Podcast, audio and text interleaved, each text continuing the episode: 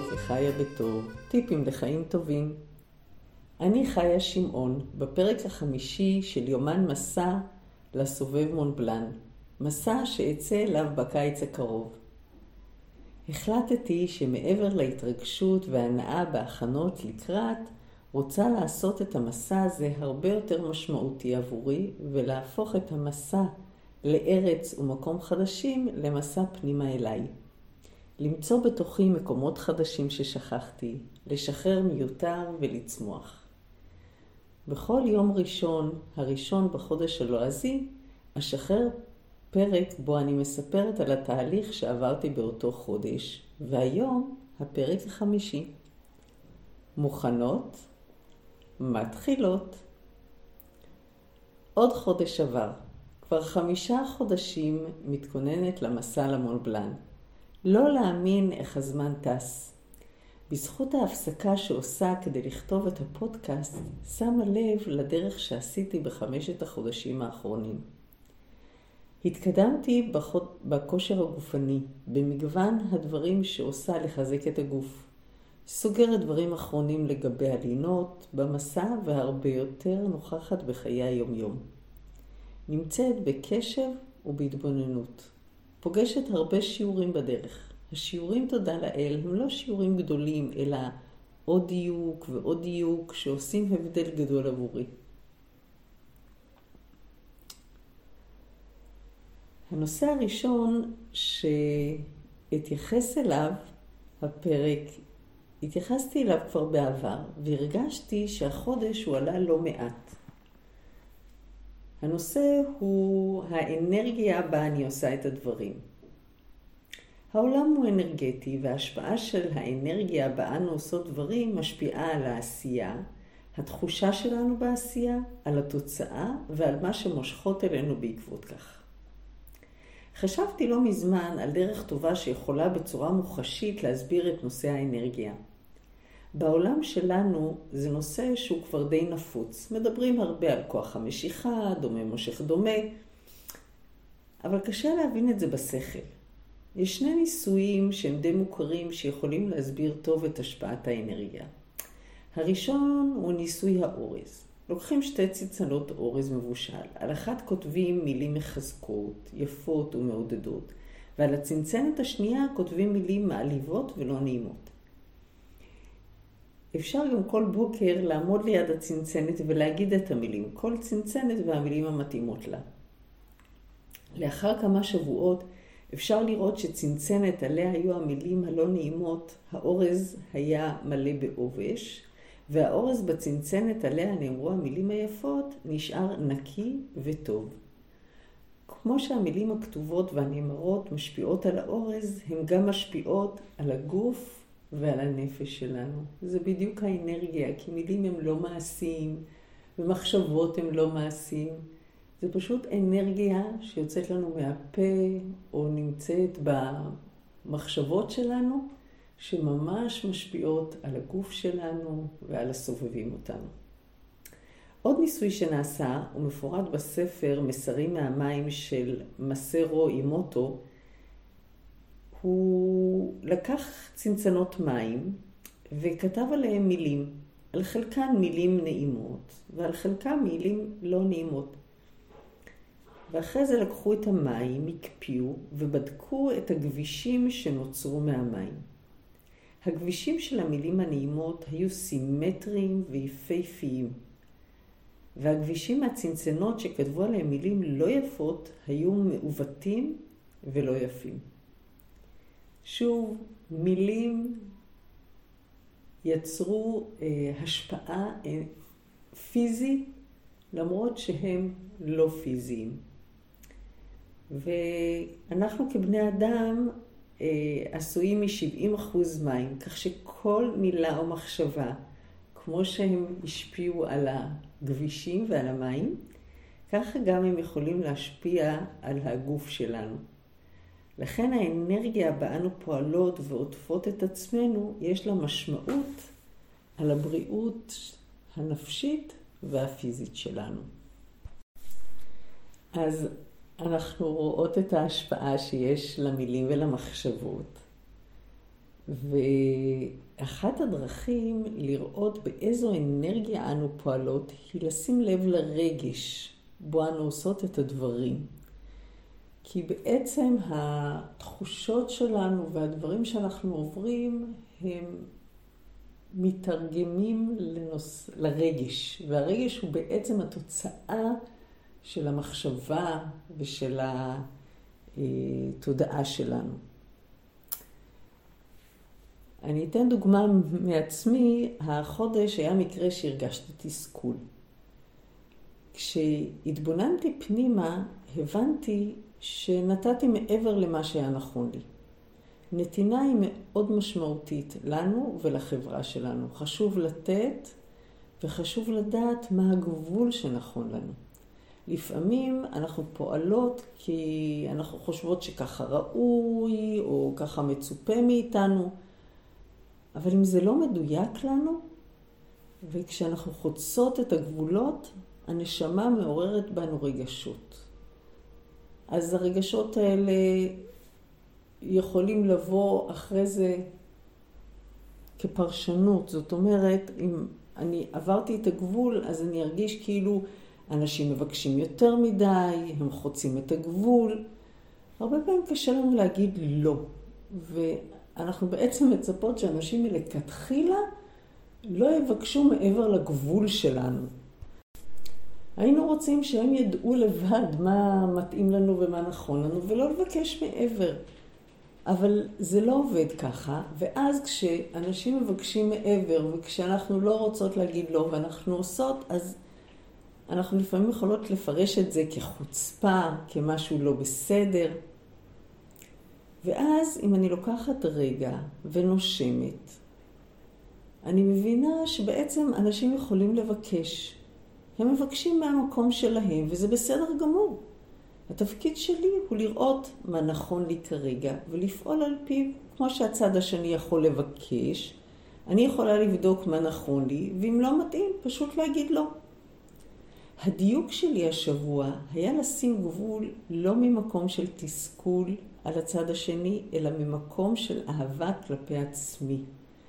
ובשבילי זה היה דיוק מאוד משמעותי. אם עד עכשיו, כמו שאמרתי קודם, אני מצפה שאנשים ידעו מה הגבול שלי ולא יבקשו מעבר כדי שלא יצטרך להגיד לא. ואז כשהם מבקשים, אז בתסכול, או שהייתי עושה, או שהייתי אומרת לא, זה היה, זה הגיע בעצם ממקום נמוך.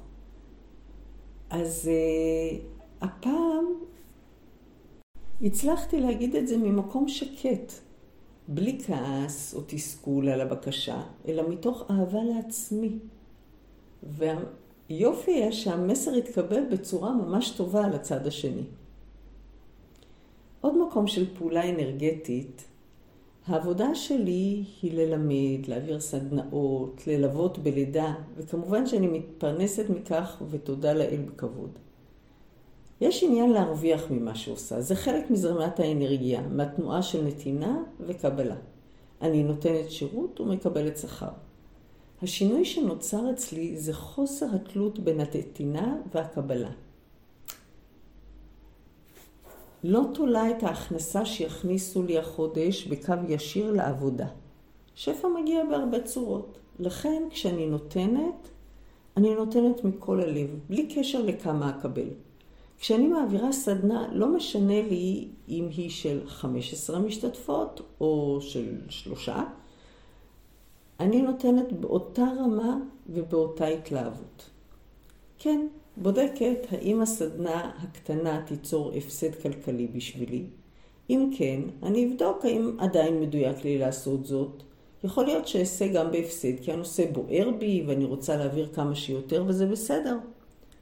באותה צורה זה בסדר גמור להחליט שלא מתאים לי לתת בתנאים האלו, ואולי לבטל. זה מתקשר עם נושא הגבולות שהתייחסתי קודם.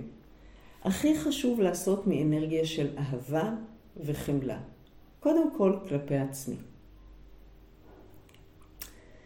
באימונים הפיזיים, תודה לאל, אני מתקדמת. האימון אחר הצהריים עדיין מאתגר, אך מרגישה שעושה אותו עם פחות הפסקות. עדיין זקוקה לחברה שתדרבן ונעשה זאת ביחד. והחודש, כשהיא לא הייתה באזור במשך שבועיים, לא עשיתי את האימון אחר הצהריים בזמן הזה. קיבלתי את חוסר היכולת שלי להביא את עצמי להליכה גם לבד באהבה. יודעת שזה זמני וזה בסדר גמור, וכשהחברה תחזור, נחזור לאימונים. כך באמת קרה. כשהיא חזרה, חזרנו ללכת ביחד. היה מעניין לראות שהאימון הראשון אחרי ההפסקה היה מאתגר, אך בפעם השנייה כבר חזרתי לכושר הרגיל שלי.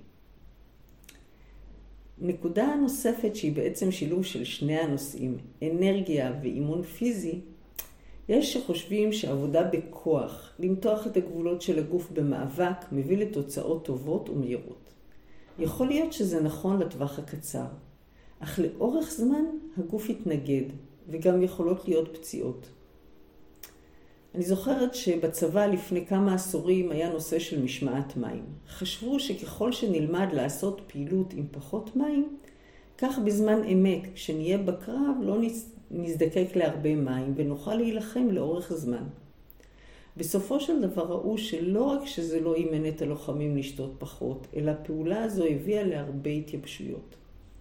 היום מבינים שככל שהגוף יהיה מלא מים לאורך זמן, שם הוא יוכל בזמן מצוקה לתפקד טוב יותר, כי יהיו לו רזרבות.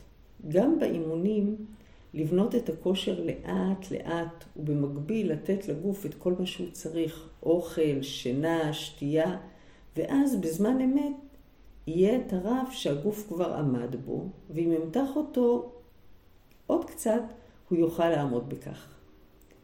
תמיד יש לנו עוד רזרבות. כשאנו מגיעות לקצה, נראה שנאכל עוד קצת, וזה יהיה בסדר. כמובן, אם זה מגיע לעיתים נדירות, ולפני כן הגוף קיבל את כל מה שהוא היה זקוק, והחיזוק שלו מגיע בהדרגה. עלייה נוספת באימון שלי הוא בעליית מדרגות. כבר עכשיו עולה באימון אחר הצהריים כמאה מדרגות. נסעתי לתל אביב, בדרך כלל יוצאת מוקדם כדי להיות בפקקים, וכך מגיעה מוקדם. הפעם החלטתי לנצל את ההזדמנות ולעלות מדרגות בעזריאלי.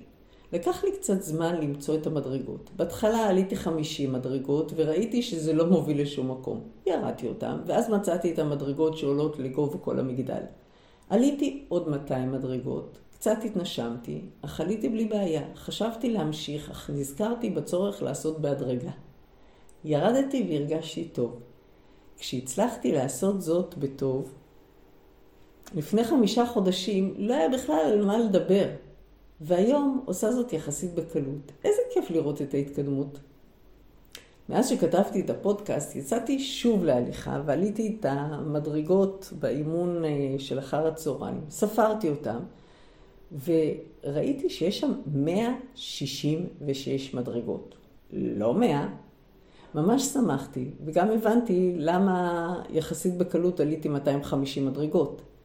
כאן אני יכולה לראות איזה מקום יש לראש בכושר. כאשר ידעתי שיש 100 מדרגות, היה לי פשוט יותר לעשות זאת, כי זה רק 100 מדרגות. לא יודעת איך הייתי מתייחסת בהתחלה אם הייתי יודעת שזה 166 מדרגות. עוד שני נושאים שהיו נוכחים החודש, שמתייחסים לנושא הרגש. כאשר משהו יושב לא נכון, מרגיש לא מדויק, כלומר תחושת הבטן לא רגועה, שווה לפעול בעניין. תחושת הבטן היא מעין מצפן. באופי שלי אני אוהבת לפעול, לשגר ולשכוח. אבל רוב הדברים הם תהליך, ולוקחים זמן, ולפעמים צריך לחזור שוב ושוב עד שיוצא טוב. יש פעמים שלמרות שעושה שוב ושוב, עדיין לא לגמרי מרוצה, ואז פשוט משחררת. לפעמים זה נכון, כי לרוב אנחנו לא מושלמות, וגם 80% עדיף מאשר לא לעשות בכלל, ולפעמים שווה שוב לעשות מההתחלה. אחת הדרכים שלי להתמודד כשלא מרוצה ועדיין לא רוצה לשחרר, היא להניח בצד לכמה ימים. לא לחשוב על זה. לפעמים תגיע פתאום תובנה שתשנה את ההסתכלות, ולפעמים לחזור לדבר אחרי כמה ימים מאפשר הסתכלות מחדש, ואז כל חלקי הפאזל יכולים להסתדר במקום, וזה, וזה ממש משמח כשאני מצליחה לסדר את החלקים במקום. כאשר הזמן, האנרגיה והנכונות מסתנכרנים, דברים קורים בפשטות ובלי מאמץ. זה נכון גם כשדברים לא הולכים כפי שרציתי. כדאי לשחרר ולראות להיכן זה יוביל. עוד סיפור שקרה לי השבוע, היה יום שהדברים השתבשו אחד אחרי השני. בחלק מהם, איך שהם השתבשו כבר יכולתי לראות את הברכה, ובחלק ממש לא. ניסיתי להיות במקום שמבין שזו המציאות, לא לריב איתה, ולהאמין שהיא הכי טובה עבורי. ואז להיות במקום של סקרנות. לראות איך הדברים יתגלגלו ואילו דברים נפלאים יגיעו לפתחי מתוך ידיעה שבטוח יגיעו דברים נפלאים. אני רואה את התפקיד שלי לגרום לעצמי שיהיו לי חיים טובים, זה לשים לב לאיך אני מרגישה. חשוב להרגיש טוב, וכאשר אני מרגישה טוב, עוד טוב יגיע. אבל במקרים שאני לא מרגישה טוב, אחת הדרכים שלי לשנות את ההרגשה היא להתחיל לעשות הכרת הטוב ולשים לב לדברים הטובים שיש לי עכשיו, בלי קשר לדברים שהשתבשו. ואני מוצאת שהפעולה הזו די מהר גורמת לי להרגיש טוב. ואני רואה שהאנרגיה הזאתי של הרגשה טוב מושכת עוד דברים טובים אה, לחיים שלי, בגוונים ובצורות שאפילו לא חלמתי עליהם. ויש פעמים שאני לא מצליחה למצוא שום דבר טוב בדברים שהשתבשו. ואז אני אומרת, תודה לך בורא עולם. לא מבינה למה, לא יודעת עוד איך, אבל אני מבינה שזה כנראה דבר שהוא יהיה לי טוב. אני מודה לך ואני שולחת את יהבי עליך שתראה לי את הדברים הטובים שיבואו מכל השיבושים. לי זה עושה איזשהו טוויסט ושינוי בהרגשה, וקל לי יותר להתמודד עם האתגרים ולהמשיך הלאה. סיפרתי את זה לחברה והיא שאלה אותי, אבל לפעמים דברים מרגיזים ומעצבנים וזה לא בשליטה שלנו, אז מה עושים? אז קודם כל נכון, יש דברים שקורים ומעלים בנו אוטומט של רגש. ברגע שהרגשות הלא נעימים עולים, חשוב לתת להם מקום, להבין מה הדבר שהעלה אותם. אם צריך, לתת להם גם זמן, וכשמרגישה שכבר לא נעים לי להיות שם ורוצה לשנות, נושא הכרת הטוב זה אחד הכלים שיכולים לאפשר אה, לעשות את השינוי. אז כך לרדת לפרקטיקה, כשאני רוצה לשנות אווירה, אני פשוט אומרת הכרת הטוב על עשרה דברים לפחות. מתחילה עם אה, עשרה דברים, אחד, אחד, אחד, אחד, ובדרך כלל ברביעי או בחמישי, הכרת הטוב פשוט משנה את האנרגיה ואת צורת החשיבה. בפרק הזה השתמשתי כמה פעמים במילה פשוט. זה חלק מהדיוק שלי החודש. החיים אמורים להיות פשוטים, לזרום בקלות. כאשר יש מהמורות וקשיים, שווה לעצור רגע, לנשום ולשאול את עצמנו, האם אנחנו בדרך המתאימה? מה האנרגיה שאנו פועלות ממנה? אנרגיה של אגו או של אהבה? האם כדאי להתעקש ולהמשיך, או שאולי כדאי לעשות חישוב מסלול מחדש? השאיפה היא אנר... אנרגיה של הרגשה טובה. בכל עת ובכל זמן יכולה להגיע אליה ולפעול ממנה. אז לסיכום, מה היה לנו בפרק? החשיבות של הרגש בחיינו, האנרגיה של הרגש משפיעה על העשייה, התוצאה ומה שיגיע בהמשך. כל עשייה היא תהליך, לעשות בסבלנות, אהבה, והקצב שמתאים לנו. להיות פתוחות לשינוי, למה שקורה בסביבה, וכשמשהו לא יושב טוב, זו נורא להסתכל שוב ולהיות פתוחה, או לשחרר, או להמתין, או להוציא לא מושלם. אז אה, זהו להפעם. עד לחודש הבא, שלום ולהתראות.